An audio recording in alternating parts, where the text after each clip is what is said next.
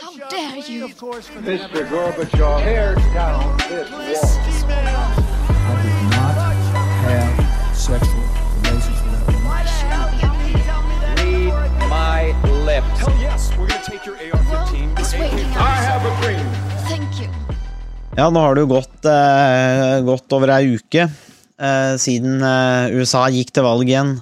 Eh, til dette mellomvalget, med, som er særdeles viktig da, med tanke på kontroll over både Kongressen og Senatet i, eh, i USA. Eh, og det er jo fint å, å egentlig ta en podkast om det litt seinere. Eh, ikke nødvendigvis på valgdagen, fordi som mange har eh, kommentert og kanskje irritert seg over, så er jo, er jo valgdag i USA det er jo litt sånn bredere definert. Det er jo egentlig valguker. Eh, for det, det tar ganske lang tid, og det er jo fortsatt ikke ferdig. Men, eh, men eh, vi har nå eh, fått, av, fått valget litt på avstand og kan vurdere det litt. Eh, litt mer med fasiten i hånd, slik det ser ut til å, å bli. da. Og det var jo et valg som hvor hvor republikans, det republikanske partiet regna med en såkalt rød bølge, eller en rød tsunami. Biden har jo gjort det dårlig på meningsmålinger, og det er jo store utfordringer, med, særlig med inflasjon og, og ø, kostnadsheving eh, på økte kost, levekostnader. Da. Eh, og dette har jo gitt eh, republikanerne vind i seilet, og det man har regnet med store seire her. Eh, og så kommer eh, valget, da. Eh, og så ser vi nå eh, at eh, i Senatet så eh, har demokratene klart å ta et, eh, en- et sete. Eh, Og det ser ut til å bli rundt 50-50. Eh, og uansett så har jo da visepresidenten Kamala Harris er jo da en sånn tiebreaker, slik at eh, eh, fasiten er jo at demokratene beholder eh, flertallet sitt i Senatet. De ser ut til å tape flertallet i, i huset, altså Kongressen. Men det som kanskje var veldig overraskende her, er at når man ser på statistikk fra særlig 1970 og framover, så ser man at det partiet som sitter med presidenten, vanligvis taper rundt 30 seter eh, i, i Kongressen. Eh, de taper også i Senatet, og de blir altså straffa. Eh, det er sånn, det, er sånn eh, det ser ut som at i hvert fall fra 1970-tallet og framover så har amerikanske velgere foretrukket denne, den delingen der, slik at det blir veldig delt. Og basert på rett og slett eh, de siste tiårene så skulle man forvente et større tap, og det hadde nok også demokratene gjort, med hvordan det så ut som, og så skjer det ikke. Og da er jo spørsmålet, eller spørsmålene som kommer da, er jo hvorfor. Hva er det som har skjedd, og hva er det som gjør at demokratene faktisk eh, eh, beholdt eh, Senatet, og ikke tapte så mye i huset eller Kongressen som, de, som man kunne ha tenkt seg.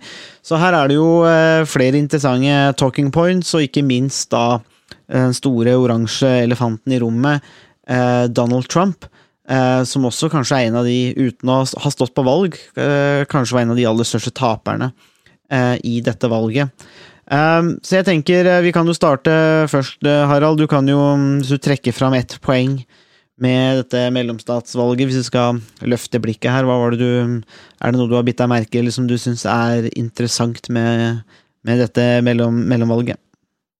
Eh, Ja, det er flere ting. Én ting er at det, selv om eh, Eller én ting som, er, som er, kanskje er litt sånn viktig overordna, er eh, at det var tross alt et veldig jevnt eh, valg. Det var veldig lite, eh, veldig små marginer som, kunne, som, som var avgjørende her i mange av, eh, i mange av eh, valgene.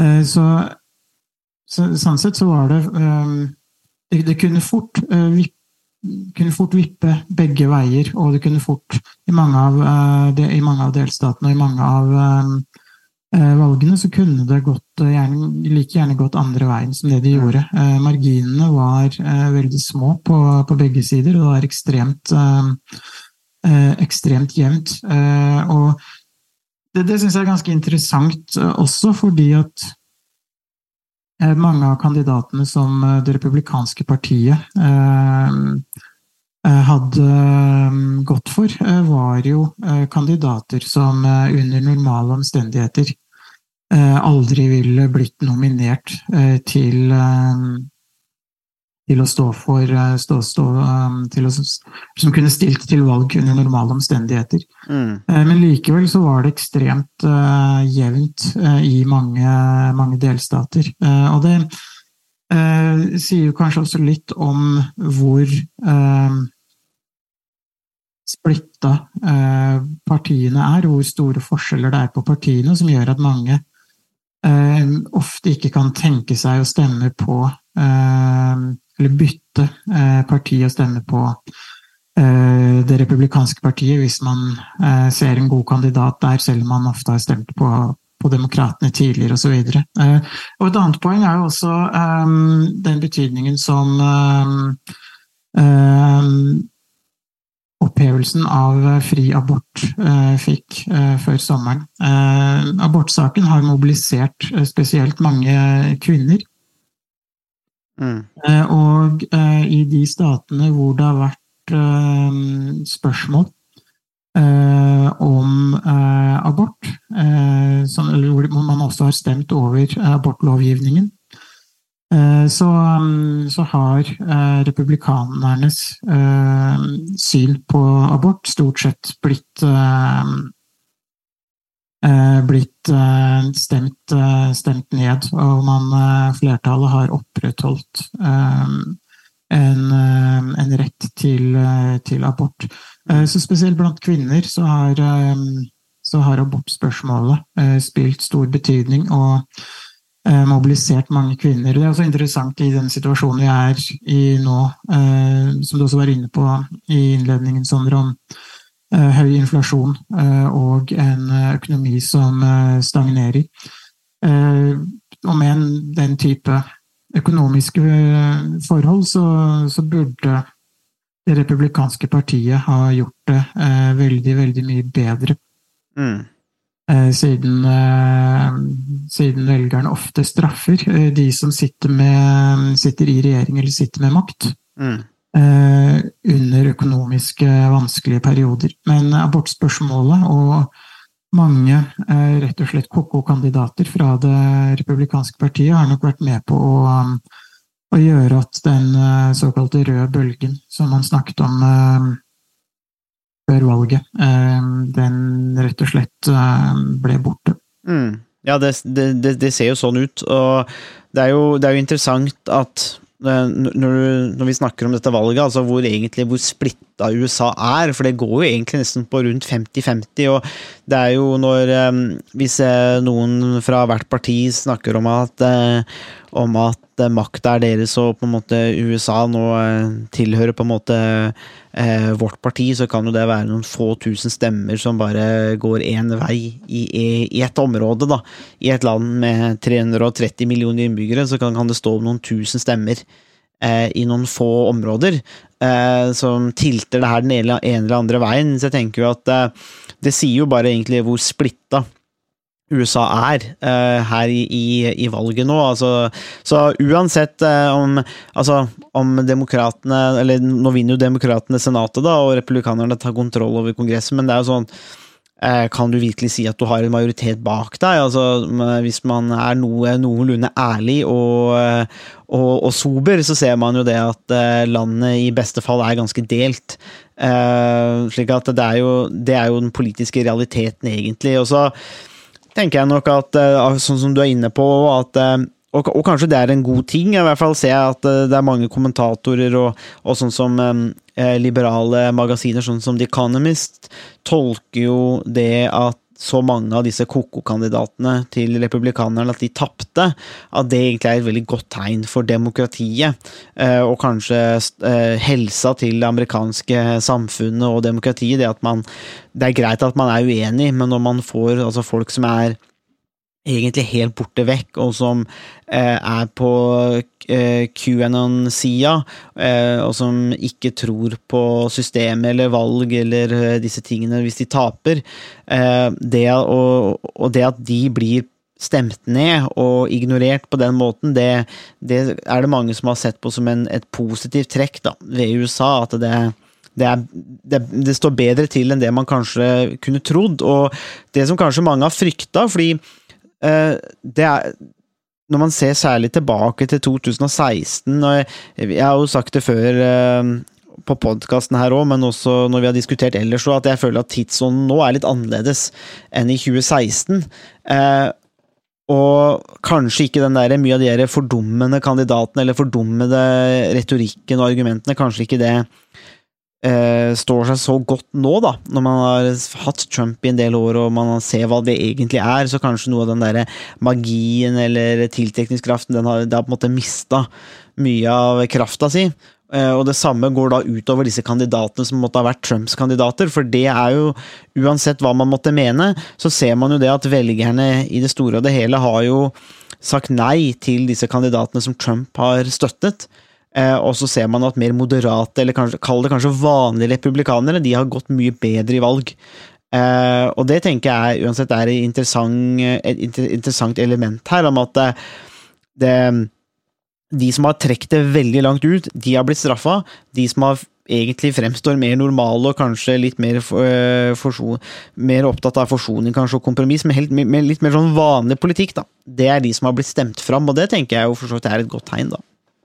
Uh, ja, jeg er enig i mye av det. Det som, som, gjør meg litt usikker, er egentlig det at uh, i mange av de valgene hvor det var mer, skal man si, mer Eh, fornuftige kandidater som, som vant, så, så, var det jo faktisk veldig jevnt. Det var jo opptil 49% som stemte på noen av disse KK-kandidatene. Og det er jo da nesten halvparten, eh, og veldig, veldig nærme eh, halvparten. Det, så det er jo en ganske stor andel av befolkningen som likevel har tenkt at de Eh, de, de skal eh, stemme eh, på den type kandidater. Og noe av grunnen kanskje til at, de, til at mange har stemt på noen av disse KK-kandidatene, er jo også fordi at i Senatet eller i Kongressen så vil de stemme som republikanere. De vil stemme for skattekutt og mange av de tradisjonelle kjernesakene for det republikanske partiet. Eh, så de vil, de vil, på en måte, selv om de var eh, på mange måter i kokoland eh, og omfavnet både konspirasjonsteorier og andre ting, så, så, ville de likevel stemt som en republikaner dersom de hadde blitt valgt. Og det har kanskje gjort at Det sier kanskje litt om, som du også var inne på nå nettopp, om at partiene og den politikken i USA er på mange måter veldig eh, splitta. Eh, og på, på 50-tallet så var det omtrent 50% i USA som, tenkte, som svarte på um, som svarte at det var stor forskjell mellom eh, de to uh, partiene. Eh, og så var den andelen eh, av amerikanere som mener det er stor forskjell på demokratene og det republikanske partiet, økt eh, gradvis. Og i dag så er det 90 eh, som, eh, som mener det er stor forskjell på det demokratiske og republikanske partiet. Eh, så det, det tyder på at partiene har gått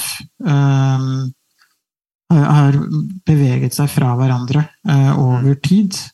Og det gjør det også både på en måte lettere og vanskeligere for mange amerikanere å velge, fordi at de opplever kanskje at valget av parti handler mer om det er litt det samme som å velge fotballag. Det handler litt om hva slags kultur, identitet og hva slags mm. Um, person man er, og hva slags uh, bakgrunn man har. og mm. handler litt om at ja, folk som er sånn som oss, de stemmer på det og det partiet. Mm. Uh, og, og, det gjør at færre og færre um, kan tenke seg å bytte fra det demokratiske partiet til det republikanske partiet, og vice versa.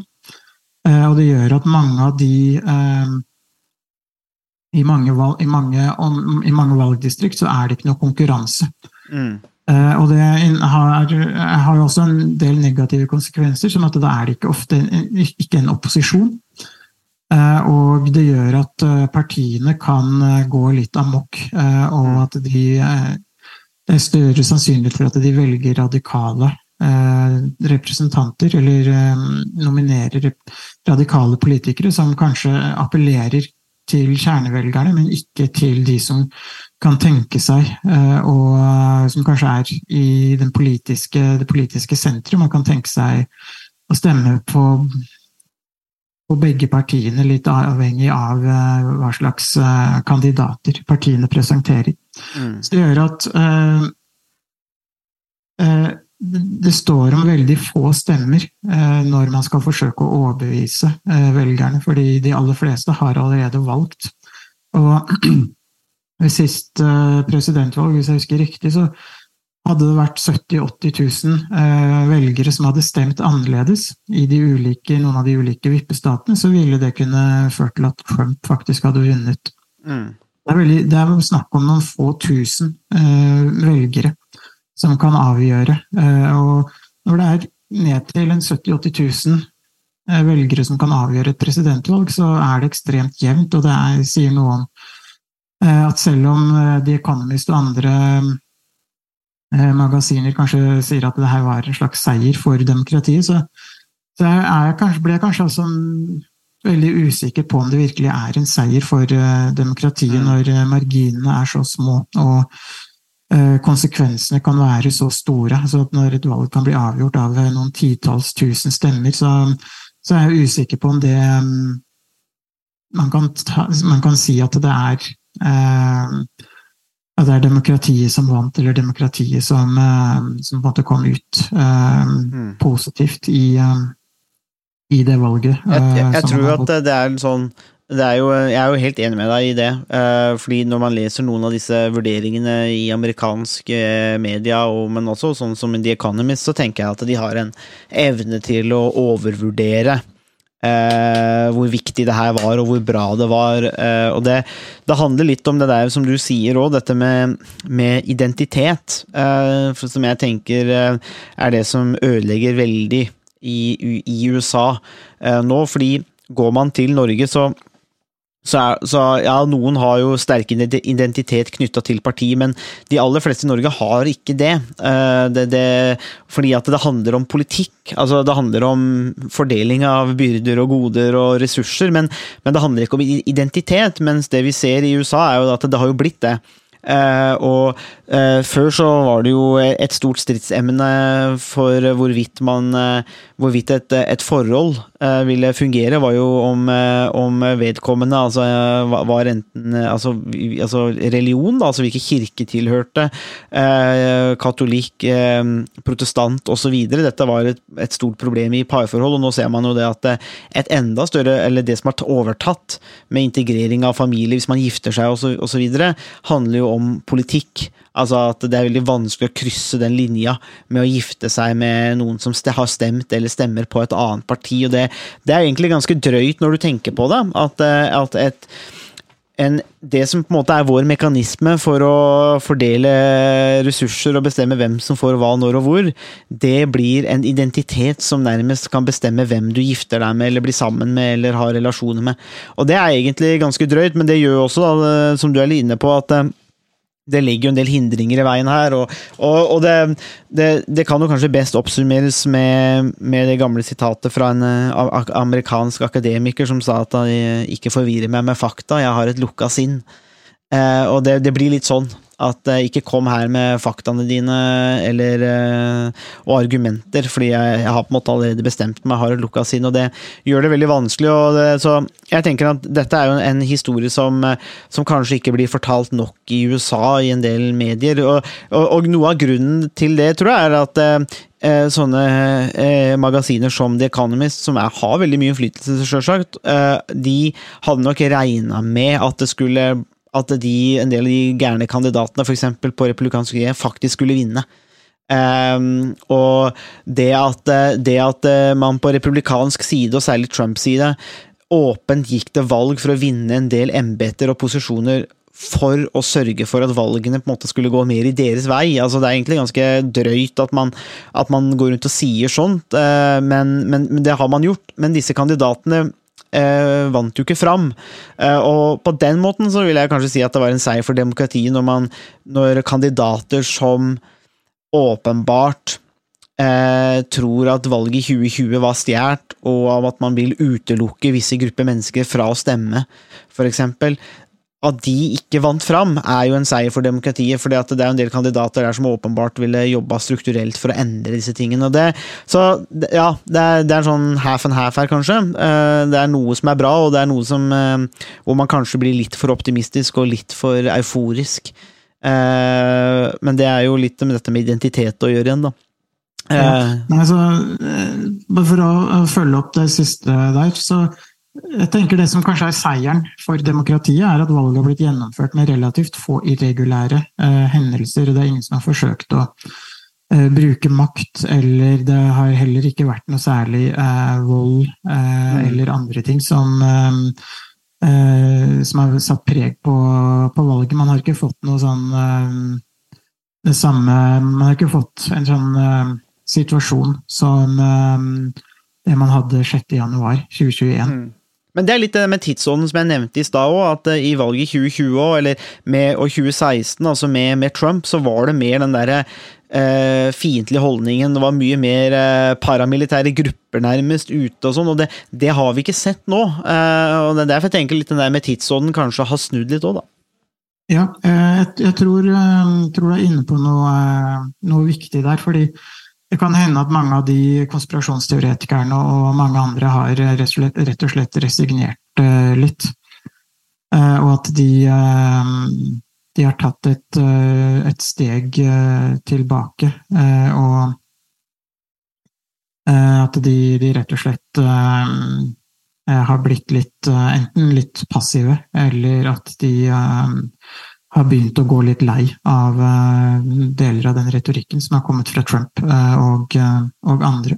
Det er også interessant det du, det du var inne på, om de store skillelinjene mellom velgerne, og hvor viktig den identiteten som mange velgere har til et, et parti, og det man har sett i når man har gjort fokus, eller hatt fokusgrupper med, med velgere, så har man jo sett Eh, når man har presentert ut, ulike utsagn til eh, f.eks. demokratiske velgere, eh, og sagt at det, dette er fra en republikansk politiker, så har de vært uenige med det uansett. Selv om det egentlig har vist seg at det var et sitat fra Obama eller Clinton eller, eller andre. Og Det samme har man sett med republikanske velgere, at de måtte systematisk eh, er uenig med eh, Eh, utsagn som, eh, som, skal komme fra demokratiske politikere. At det er en stor grad av mistro eh, mellom mm. eh, demokratene og eh, de republikanske mm. eh, velgerne.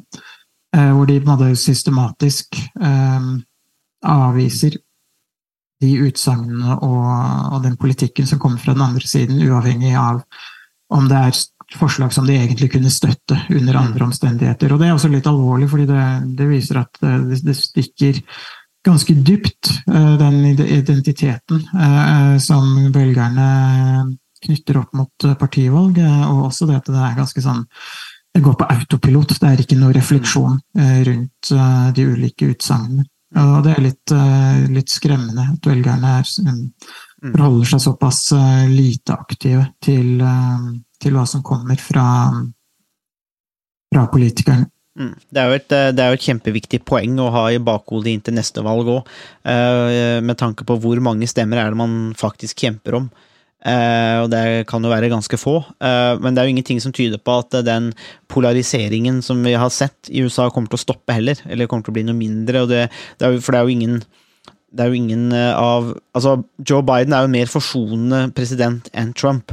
Eh, men, eh, men, de politiske bevegelsene som, som, helhet, de er jo ikke mer forsonende verken eh, med hverandre her. slik at det, det, det, tar jo lang tid å skulle bygge de, disse bruene her. men det samme gjelder jo innad i noe som jeg synes er, altså Det er mye som er rart i amerikansk eh, politikk, men jeg, jeg leste en, en, sak om hvordan Fordi viktig, et viktig e, e, e, område i USA hvor demokratene ser ut til å ha tapt eh, majoriteten, det er det som har gjort at de har tapt eh, flertallet i Kongressen, det er i New York.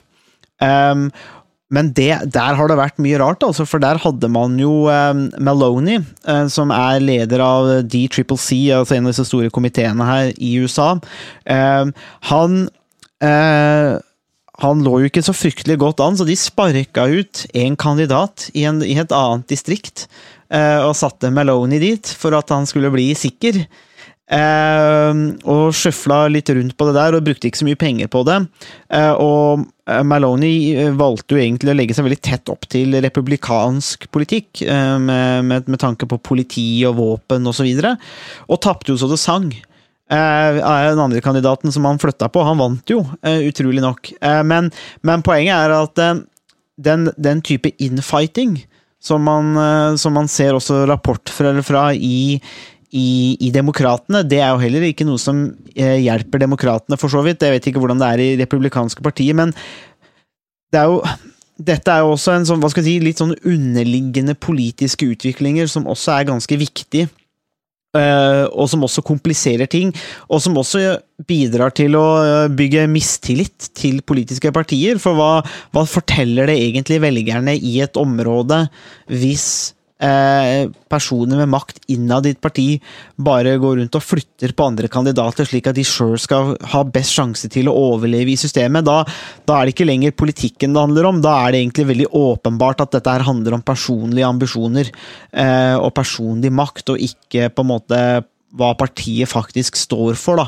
Og det tenker jeg også er et kjempeproblem eh, i dette systemet her, og saker som kanskje blir altfor lite prata om. Og, og, jeg skjønner jo det at velgerne blir skeptiske når det, når det er den type atferd som belønnes og det oppfordres til. da. Ja, eh, jeg tror det er et kjempeviktig eh, poeng, fordi eh, fra et norsk perspektiv så kan det jo virke veldig merkelig at folk under noen som helst omstendigheter kan stemme på noen av disse Eller stemme på det republikanske partiet overhodet. Og noe av det som ikke har vært så mye framme i norske medier og i den norske diskusjonen av amerikansk politikk, er jo nettopp altså hva er alternativene til som amerikanerne kan velge mellom. Og man må, må rett og slett huske på at det demokratiske partiet det er ikke nødvendigvis et, et godt Eh, alternativ eh, for mange, mange velgere. Mm. Og i en sånn situasjon så, mm, så er det også med, kanskje med på å, mm, å, forklare hvorfor det blir jevnt i mange, mange valg, og hvorfor demokratene også gjør det dårlig i, på steder um, og i områder hvor de um, burde gjort det mye bedre. Mm. Uh, og um, det har jo vært mange eksempler på demokratiske representanter og politikere også, som har vært eh, har begynt å bevege seg inn i, eh, mot koko-land eh, med ulike former for woke-kultur, cancel-kultur osv., som, som har vært veldig kontroversielt i, i USA i mange, i mange, områder, og som også har vært med på å gjøre det vanskelig for demokratene å, å, å vinne en del, en del, steder. Eh, og um, i en sånn situasjon så, eh, så vil velgerne ofte ende opp med det minste onde. Og ingen, når ingen av alternativene er spesielt, spesielt gode. Men det er også et annet, annet poeng som, som, kan ha en viss betydning når man snakker om hva som er alternativet eh, for mange amerikanske velgere. og det er jo også det at eh, For at demokratiet skal fungere, så er man avhengig av en eh, legitim opposisjon. Og at partiene ser på de partiene, altså at partiene ser på de andre partiene som ikke er i regjering. De ser på de partiene som en legitim opposisjon og som en en legitim eh, politisk motstander. Eh, og det er jo eh, et prinsipp som norske statsviteren Stein Rakkan var opptatt av og brukte en del, en del plass på å forklare, eller bruke som en viktig forklaringsfaktor på utviklingen av demokratiene i, i Europa. Mm. Og det man ser i USA, er jo at man i mindre grad ser på opposisjonen som legitim. Mm. Eh, hvor man eh, fra det republikanske partiet truer med riksrett eh, hvis de vinner i Kongressen osv. Ikke nødvendigvis fordi at de har en spesielt god sak, men litt for å ta hevn for sånn, sånn, en slags takk for sist. For riksrettssakene mot, mot Trump. Mm. Og det er litt skummelt når man beveger seg så langt at man ikke ser på, på opposisjonen som, eh, som legitim. Og det gjelder jo også deler av Det demokratiske partiet som eh, heller ikke ser på mange av de republikanske politikerne som, eh, som legitime politikere. Og der, der, der er det en fare eh, at begge sider eh, eh, går langt i å avvise eh, de, eh, det andre partiet som, eh, som legitimt. Eh, og og det er, kanskje, det er kanskje der man finner noe av trusselen mot demokratiet, eh, selv etter eh, at eh, Trump og Maga og QAnon og alt det andre er i ferd med å um, forsvinne litt. Så, um, så er det fortsatt lite som tyder på at partiene vil se på hverandre som, som legitime opposisjonspartier. Mm. Ja, det tenker jeg er et, et kjempegodt poeng, faktisk. Dette med å ja, eh, å anerkjenne hverandre og se på det som legitimt. Eh, For det er jo det som ikke, som du sier, som ikke skjer. Altså, det er jo sånn Det ser jo ut til at eh, man Ja, hvert parti truer med riksrett. For, foran hvert valg, hvis de får flertall. Og som om det på en måte skulle være god politikk og, og, og, et viktig mål da, med politikken. Å ta hevn på de andre, og da er, da er det veldig vanskelig.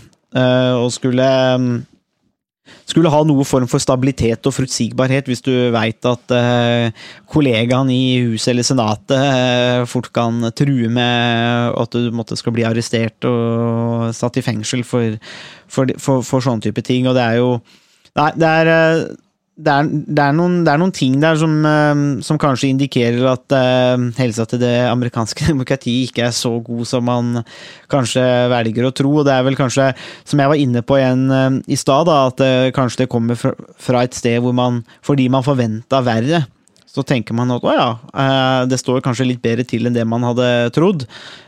Og det, det kan man jo si, hvis, hvis, det, måte, hvis det var utgangspunktet. Eh, Men, men det er en del ting her som ligger under og, og murrer, eh, og som ikke, man ikke tar tak i. da. Eh, Så blir det jo spennende å se nå, fordi at man kunne jo tenke seg at ut fra meningsmålinger at Biden var så upopulær at de ville blitt hardt straffa. Det har de ikke blitt. Jeg tenker jo for Joe Biden Det er jo blant annet igjen, da, The Economist har jo hevda at fordi at det gikk så bra egentlig med Biden nå, så bør han trekke seg til neste valg og gå av på topp. Eh, men, men det er jo litt merkelig standpunkt, det òg. For hvis du er Joe Biden og hans administrasjon, så tenker du at ok, men hvis vi har kommet gjennom to år med det her, eh, og, og vi har fortsatt kontroll over Senatet, og det er ikke det er, det er ikke helt krise i Kongressen. Hvor, altså, hvorfor, hvor, altså, det kan jo hende at Joe Biden og andre faktisk har noe med det å gjøre. Det vil i hvert fall være naturlig for han å tenke det. Så hvorfor skal vi ikke gå for eh, fire år til når, vi, når det her faktisk er resultatet? Og det, og det, og det, det, det kan jeg for så vidt se, og det er jo det som blir, tenker jeg blir spennende nå. fordi at nå er det to år hvor, han, hvor demokratene faktisk har beholdt Senatet. Eh, og de har mulighet til å drive politikk og bygge disse bruene. slik at eh, Det tenker jeg er kanskje noe å se litt fram mot eh, 20, eh, 2024. da. Eh, og så se hva, hva, hva er det Biden nå får til, hva er det, hva er det administrasjonen kommer til å vektlegge. Og kan vi se noe, vi se noe som, som forsøker å adressere de problemene som vi har snakka om nå? For jeg tenker hvis ikke de gjør det, så vil jo resultatet ved neste valg bli stort sett det samme. da, At man sitter og ser på noen få stater og noen få tusen stemmer eh, som skal avgjøre hele valget i USA. Eh, og, og enda mer av dette kaoset da, og den, disse konfrontasjonene og polariseringen. Så det, det tenker jeg er det som er mest spennende framover. Du kan jo avslutte, Harald, noen, hvis du skal inn i, se inn i spåkula eh, neste, fram mot neste valg. da. Ja. Eh, problemet til demokratene er at de ikke har noen alternativer til Joe Biden. Eh, Joe Biden er jo en dårlig kandidat fordi han eh, begynner å bli ganske gammel. Eh, og eh, det, gjør at jeg er litt skeptisk til om uh, demokratene har mulighet til å finne noen uh, nye kandidater som uh, kan være samlende. og Joe Biden er samlende, og det er kanskje noe av det som gjør som er på en måte hans styrke som president og som politiker i, i dag. og um, Det republikanske partiet har jo en klar og tydelig potensiell presidentkandidat i Trump. Eh, og i dag er det jo 15. november, og eh, det skal visstnok komme en eh, stor kunngjøring fra Trump i løpet av, av dagen, så får vi se om han, han annonserer at han vil stille som presidentkandidat igjen, eller om det er noe annet. Men det er jo ikke åpenbar vei der heller, da, med tanke på hvor, hvor bra Ron DeSantis gjorde det i Florida. Uh, og han Absolutt. er jo ingen Trump-fan, så det, han kan jo få en verdig kandidat eller motkandidat i, uh, i Ron DeSantis, tenker jeg.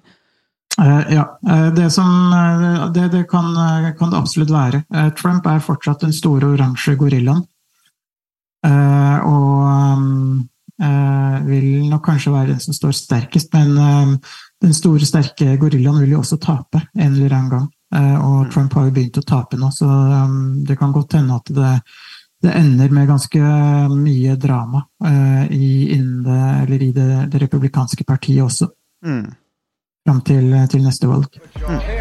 Takk for at uh, du hørte på Statsvitenskap og sånt. Har du spørsmål, kommentarer eller tilbakemelding, så er det bare å ta kontakt på vår Facebook-side, per e-post eller brevdue. Musikken er som vanlig laget av Robin Horvath, og Mats Halvorsen mikser og redigerer podkasten. Vi høres!